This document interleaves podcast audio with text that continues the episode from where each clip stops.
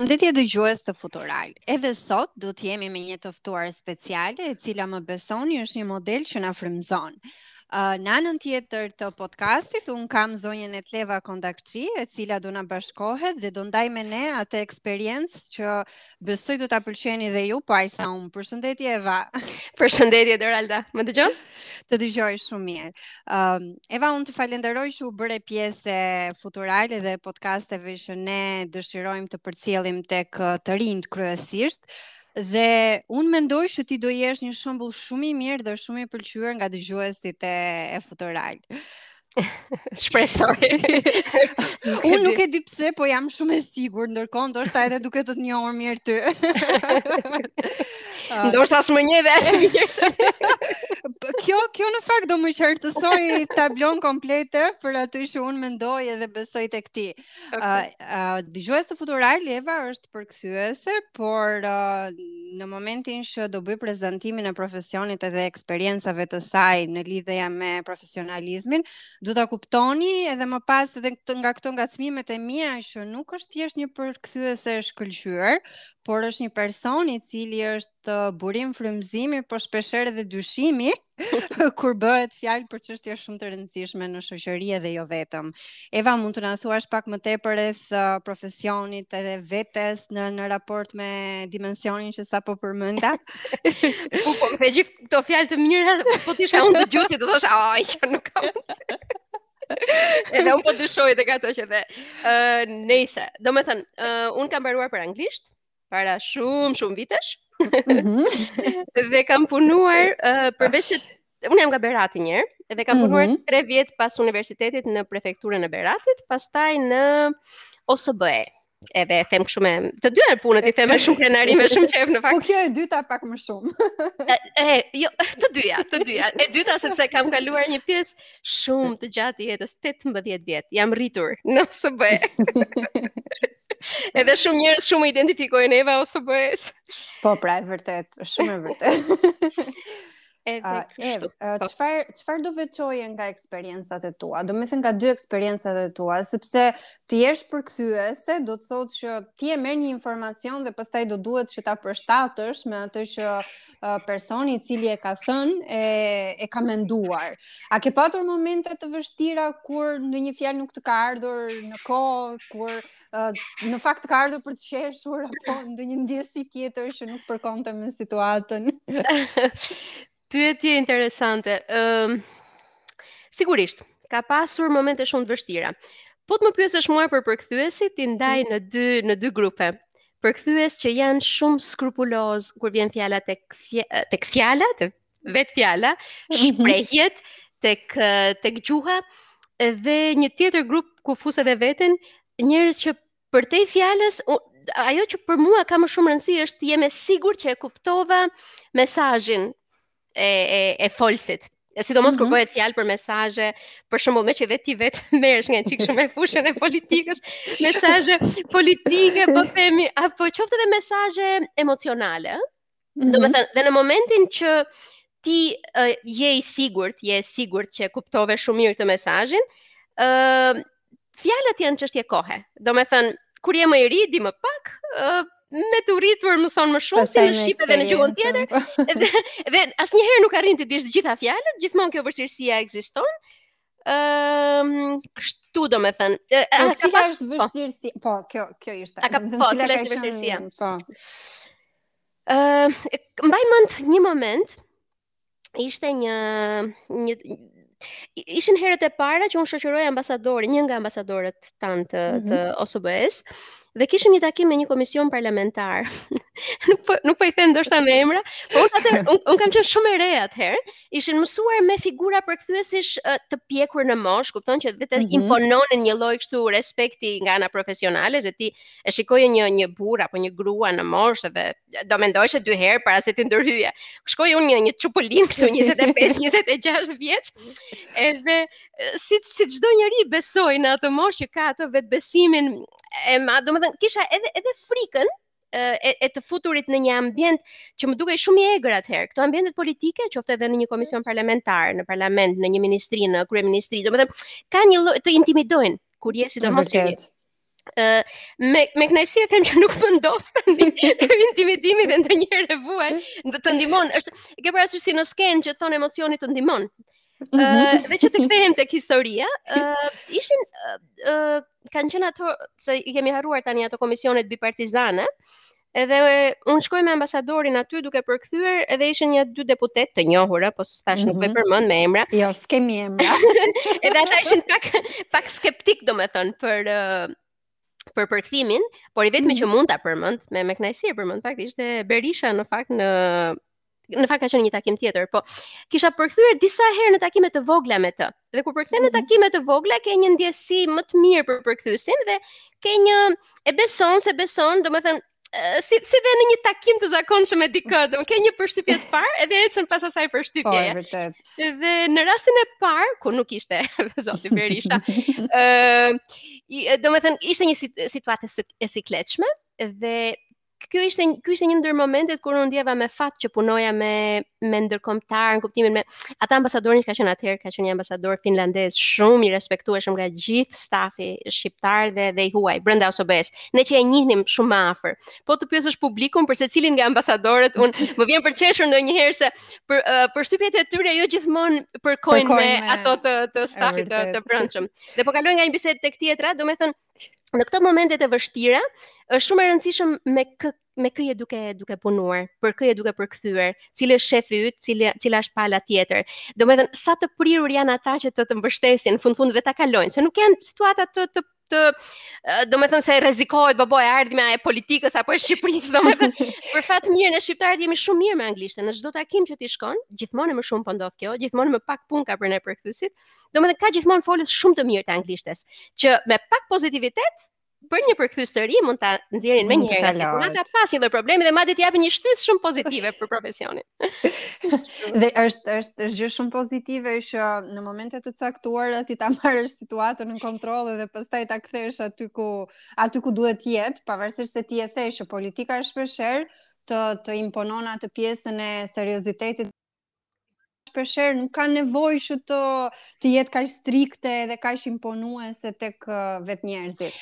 Dhe këtë Dorald doja ta thosha, ë uh, domethënë, unë kam përkthyer ngushtësisht për 7 ambasadorë, krerë të prezencës së OSBE-së. Domethënë kam qenë përkthyesja personale e tyre. Mm -hmm. Dhe të betohem sigurisht ata si individë dallojnë nga njëri-tjetri, por mbizotëronte një lloj fryme shumë pozitive, domethënë shumë mbështetëse. Ti nuk gjendesh e Kjo është e rëndësishme. Është shumë e rëndësishme. Domethënë shumë vështirë ta shohësh të njëjtën, më vjen keq që e them dhe shpresoj që unë të jem e gabuar, por nuk nuk nuk arrij ta perceptoj të njëjtën ndjesi, për shembull po marr kot ku di unë një një asistent apo sekretare, një ministri, një ministre, domethënë, nuk e di, domethënë ti si i jashtëm e percepton një lloj tensioni mes tyre, paçka se mund të jenë edhe miq, ndoshta mund të kenë marrëdhënie shumë të mirë. Por por por me të huajt ata kanë nuk e di, kanë diçka, kanë diçka. Po ça kanë?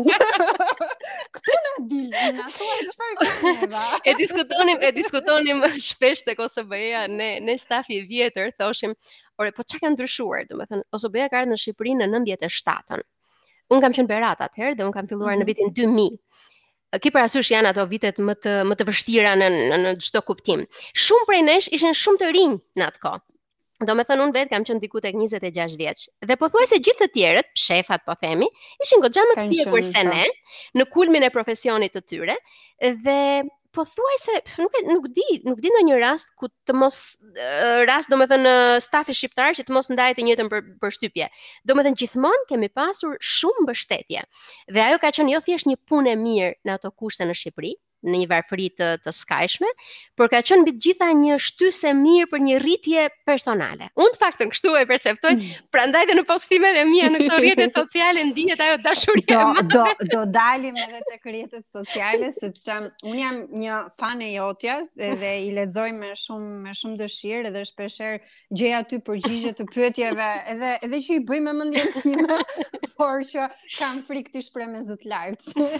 se gjithmonë kjo pjesa e dyshimit edhe edhe sulmohet, edhe keqinterpretohet. Megjithatë unë të kam parë që uh, duke, duke qenë se ti ke shumë kontakte me njerëz, sepse puna është e tillë që ti duhet të kontaktosh edhe të kesh marrëdhënie pune me, me individë të ndryshëm dhe ti aty kupton pastaj edhe formimin edhe gjithçka tjetër që, që ka të bëjë me, uh, me individin po edhe me shoqërinë. Në fakt, uh, ajo që më ka bërë përshtypje o Ev është pjesa e punësimit.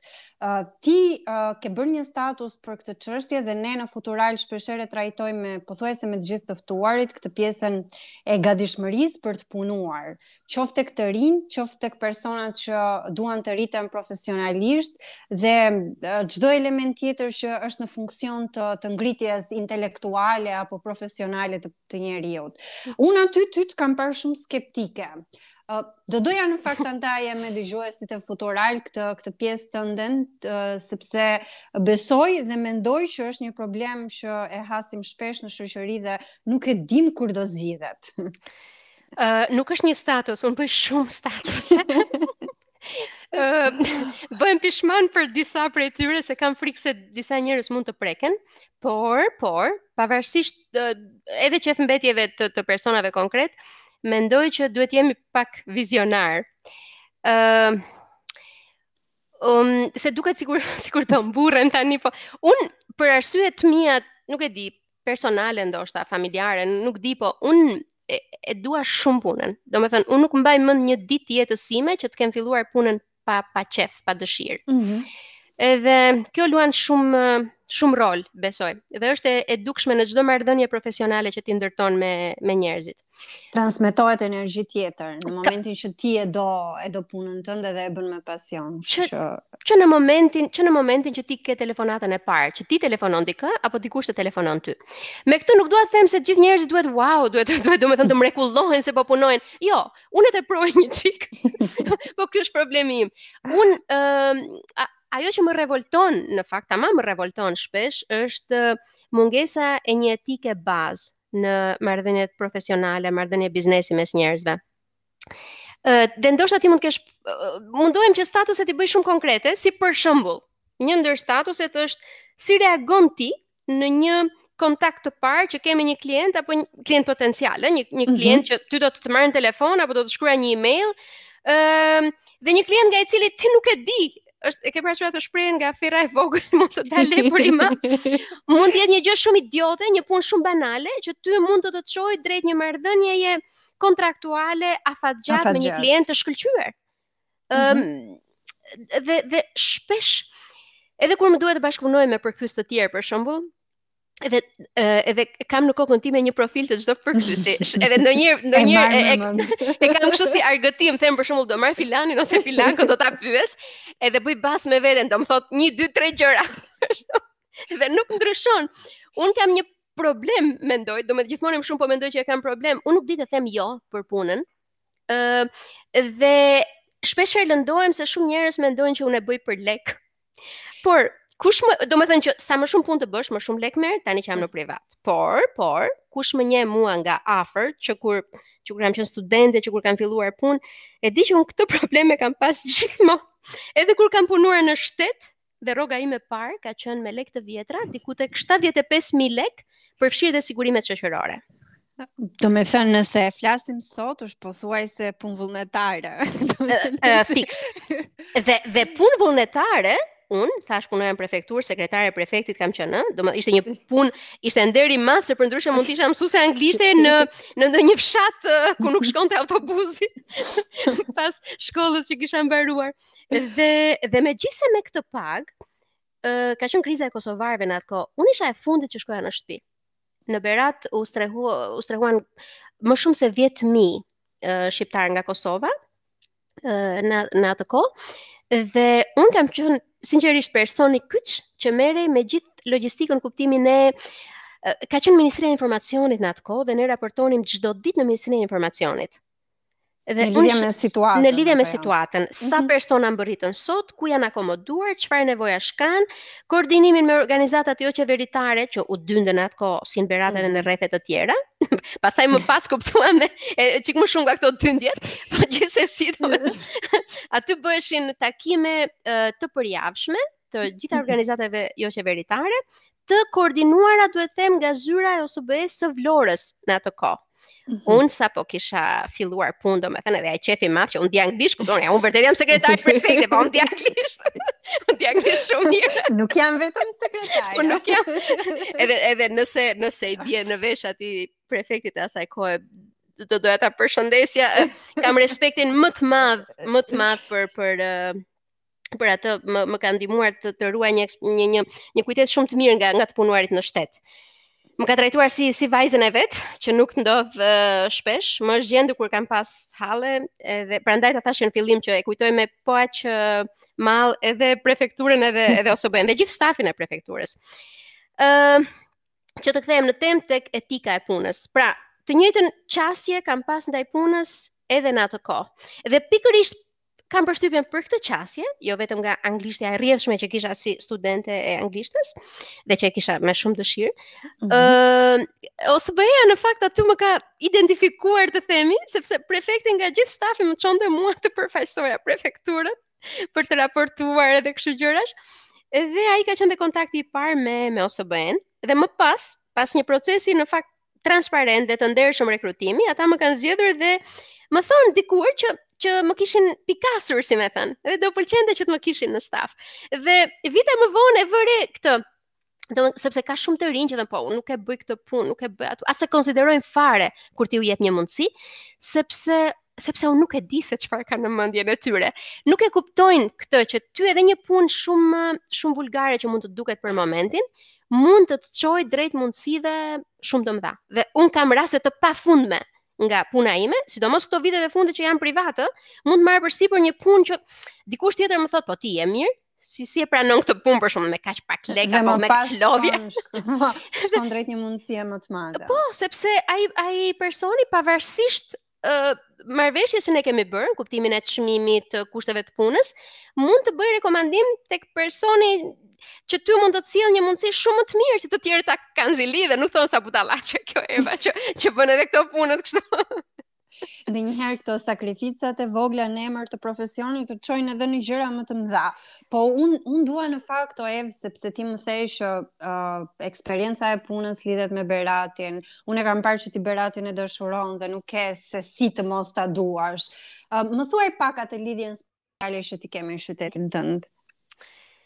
Ëm, uh, tani që më pyet, sa herë që dua të bëj një gjë të bukur, dua të shkoj në në Berat. Edhe unë nuk di nuk di ta shpjegoj, ndoshta ndoshta, Unë e shoh pak me këtë syrin idilik Beratin. Unë tani jam larg prej shumë vitesh. Ë uh, jam falenderoj Zotin, nuk e di kush, domethënë fatin. Ndihem shumë mirë me punën, ndihem shumë e lumtur dhe jam në kushte shumë komode. Jam në kushtet e një beratase që shkon si turiste në Berat. Dhe sa herë shkoj në fakt them o Zot, unë dua të vij të jetoj këtu. dhe filloj e marr dhe shumë seriozisht, po ndërkohë mundohem të mas pak pulsin e, e beratasve, si, si është të jetosh të, tashmë aty çdo ditë. Dhe, a ka ndryshuar? A ka ndryshuar.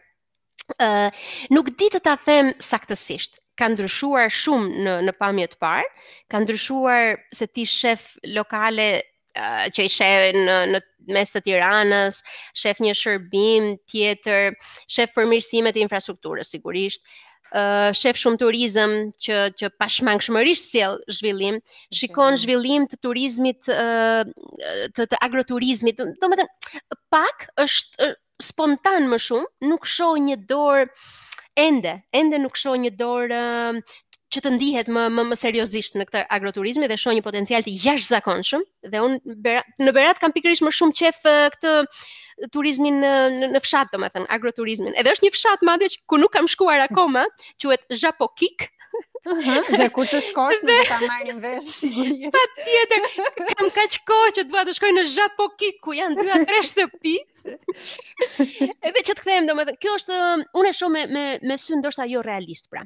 Por, por ë uh, e ke parasysh ndonjëherë uh, uh, beratasit vet kur unë ua them këtë gjë, edhe pa ua thënë, sytë e mi e shprehin atë. Do me reagimi i tyre është si më thën, po rri more Eva, shiko bëj atë punën tënde. Na lër rehat tashi se nuk bëhet Berati. Por e kanë gabim.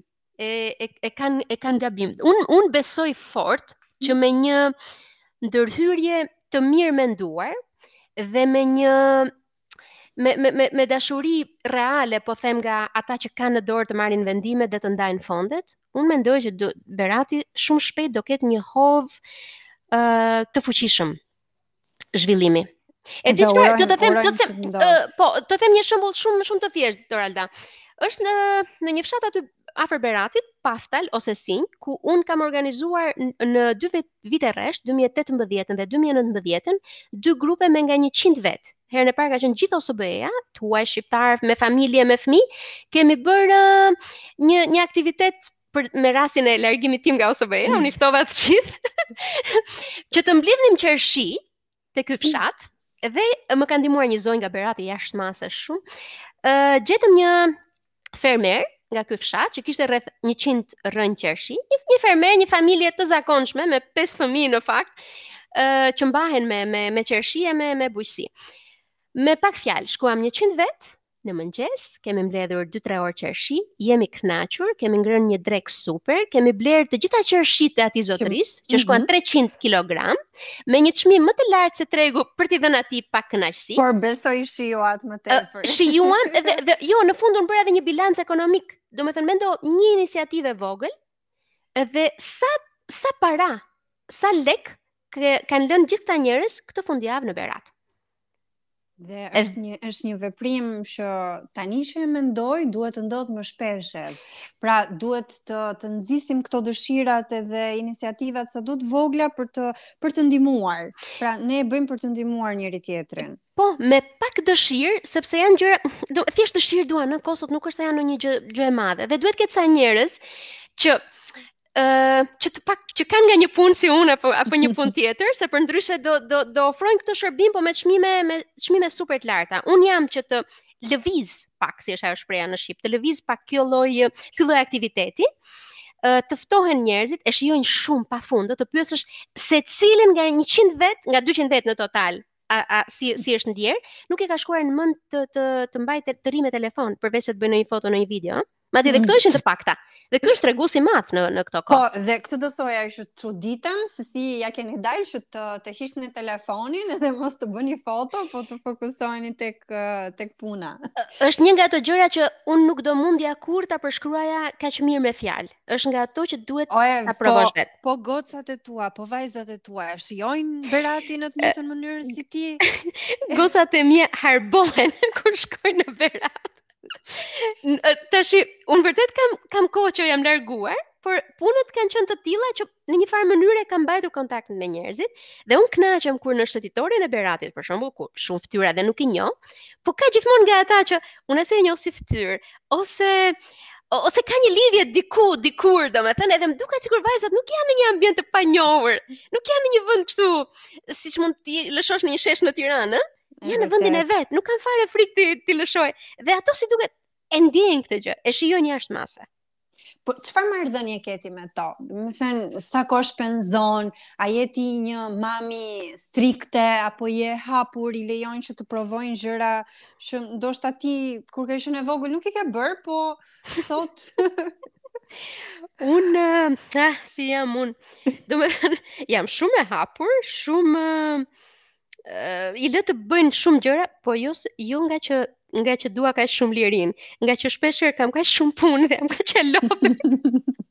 Saqë e, kjo është rruga e shkurtër, domethënë të luten vazhdimisht për të bërë diçka ti i thua jo jo jo vjen një moment thua ok bëj bëje dhe bëj çfarë të duash vetëm më lër rehat unë kam marrë dhe tani që po flas po flas nga zyra që kam marrë me qera këtu afër shtëpisë ku banoj, është në të njëjtin kompleks, si me thënë pallatesh. Mm -hmm. Dhe një nga arsyet pse e mora zyrën pikërisht këtu, dhe nuk e mora në këto vendet me status, ke parasysh këto, këto vendet e shtrenjta, është sepse unë para zyrës kam oborrin, kam oborrin e gjithë lagjes, edhe unë jam kështu nga. Dhe ti jam jam aktivist. unë i shoh nga xhami, ato vijnë këtu, shpeshherë marrin gjithë shoqet vijnë këtu, unë u printoj gjëra për të vizatuar, bëjmë parti, bëjnë bëjmë budalliqe, pastaj mbarojnë edhe ikin gjithë fëmijët dhe unë u flas vajzave të mia pse ma keni bërë zyrën kaq rëndë. Kur në fakt e ke kërkuar vet. në fakt e kam kërkuar vet, në fakt e kam kërkuar vet dhe dhe ngaqë unë i kam lindur vajzat edhe në një moshë uh, goxha të madhe për për shoqë për standardet e shoqërisë tonë. Edhe dëgjoj gjithë shoqet e mia për shembull, shoqe e shokë që më thonë shijoji vajzat, shijoji se rriten shpejt. Mm. Edhe e di më është bërë kështu si si çekiç domethënë si si një reminder, si një kujtesë. Këto këto shprehjet shablone e thua sikur modelet e prindërimit janë të gjitha njëlloj dhe pastaj duhet të zgjedhësh të njëjtën mënyrë për të vazhduar. E e vërtetë, Por të gjitha ama i bashkon kjo pyetja që bëre ti, sa kohë shpenzon? Domethënë shpesh herë ndihem fajtore që nuk shpenzoj më shumë, më kap faj, mundohem ta kompensoj në ditën tjetër, shpenzoj më shumë se ç'do shpenzoja, lë mbrapa punë, e kështu domethënë kështu. Më dole fiks në temë, e, unë do, do, mhm. doja që të pyesja. Tani, kohën që i jep profesionit, kohën që i jep vajzave dhe bashkëshortit, po vetës, çfarë kohë i jep? Domethënë, A bën ti gjëra që i shijon, gjëra që ti ke hobi, i ke me qejf, që të bëjnë ty të, të ndihesh mirë? Ë uh, Te ma bëjnë këtë pyetje, ia bëj këtë pyetje vetes, nuk kam arritur të gjej një përgjigje.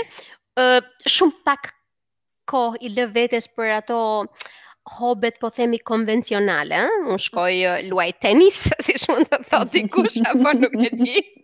Bëj uh, bëj sauna, bëj palestër, bëj unë e beson ose jo, unë e shijoj kaq shumë punën saqë unë nuk kuptoj argëtim tjetër përveç punës.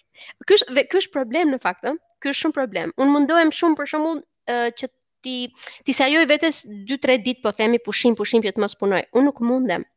Ndoshta ndoshta kam kaluar në a kemi ne një fjalë në shqip për workaholic i, i varur ndaj punës. E, nuk tingëllon shumë shqip domethënë. nuk rri dot pa punë me fjalë. Nuk nuk rri dot. Dhe dhe në fakt është punë shumë e veçantë. Nuk e di si është me punët e tjera, Po te kjo puna ime sidomos tani që punoj me shumë klientë, mëson kaq shumë, ti nuk e ke idenë sa kam mësuar sot unë dhe ishte nga ato momente që ti e shijon në moment që je duke e bërë atë punë thua wow, wow, sa sa sa sa po argëtohem dhe sa po mësoj. Ishte një aktivitet sot për lakuriqtë e natës, ta merr mendja. Edhe kur më thanë kështu kështu për këtë aktivitetin, m'u duk pak çuditshëm.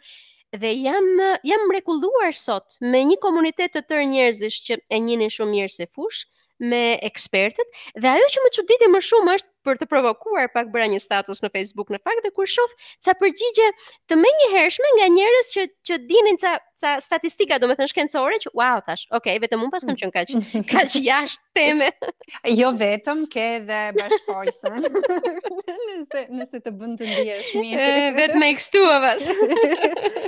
Eva, a ke ti një moto tënde, një shprehje tënde, sepse ne nëpërmjet futural duam që modelet tona, pra duke të konsideruar si një model shumë pozitiv, uh, e kanë për për veten, për ato momentet kur është është e nevojshme për t'ia dalë mbanë ndaj një situate apo qoftë edhe përballimit të punës me me sukses. Uh, duket pak si jashtë mode, por uh, unë çdo ditë më shumë në fakt, edhe në përballje me me njerëz të tjerë, vazhdoj të besoj fort që me punë dilet. E para, e dyta, mundohem të inkurajoj ndonjëherë bëhem dhe bezdisshme me këto vajzat e reja. Ë dua t'i nxis shumë që të të gjejnë rrugët të bëhen të të pavarura. Të pavarura profesionalisht, domethënë të jenë të zonjat që jo thjesht të kërkojnë punë se jam në hall, kërkoj punë se jam e divorcuar, kërkoj punë se jam beqare, mm -hmm. kërkoj punë se kam uh, tre fëmijë uh, dhe burri im pi i harxhon të gjitha ato lekët e rrogës vet uh, në ndërtim ku di unë dhe unë nuk kam ç'bëj, po dhe unë nuk ndajem dot nga burri se për mua shyqyr zotit nuk kanë nuk ka qenë asnjë nga këto shtysat. Por uh, po marr këto shembuj ekstremë, për të treguar uh, sa e rëndësishme është të jesh uh, të jesh e pavarur. Uh, mund të marr edhe shembuj të tjerë, kam ndërmend një dy raste vajzash. Ke parasysh kjo moda e vajzave super të bukura, ëh, që që targetohen si me thënë në gjuhën e OJQ-ve nga nga çuna, jo më domosdoshmërisht domosdoshmërisht të bukur, po nga çunat me më shumë lek, domethënë shumë punëtorë. Dhe vjen një moment në në jetë Edhe më ka ardhur mirë që kam dëgjuar këtë lloj reflektimi nga vajza të tilla që nuk u ka munguar asgjë në kuptimin e, e, e, ekonomik, por ndjejnë një boshllëk që është shumë e vështirë ta mbushësh ë uh, shumë shumë më vonë se sa se sa duhet ta ta mbushje. Domethënë nëse je në shkollë duhet t'i përkushtohesh shkollës. Nëse nuk i përkushtohesh është një kohë e humbur dhe nuk është thjesht koha që ti humbet. Ti humbet shanse të të mëdha të jetës tënde më vonë. Nuk po flas për karriera të suksesshme, po flas për pavarësi ekonomike bazë, meqë flasim kaq shumë për femrat, ishte ky rasti i fundit, nuk e di, domethënë, më është po, me vërtet. Ëm, um, Ev, unë të falenderoj shumë për që gjithsecili nga dëgjuesit e Futural do marrë atë pjesë që, që gjen tek vetja dhe do filloj pastaj të, të shohë ku janë ato problemet e vogla që ndoshta e bëjnë të stepet edhe të pranojë një realitet që ndoshta është i vështirë për momentin, por më pas mund të jetë një rrugë shumë e mirë drejt së ardhmes. Uh, ti nuk e di, po ne i kemi kaluar 30 minuta. Wow, okay. Flas shumë. Koha, koha fluturoi sepse ishte një bisedë shumë e këndshme dhe besoj do ta shijojnë të gjithë dëgjuesit e Futural, kryesisht edhe vajzat dhe gratë të cilat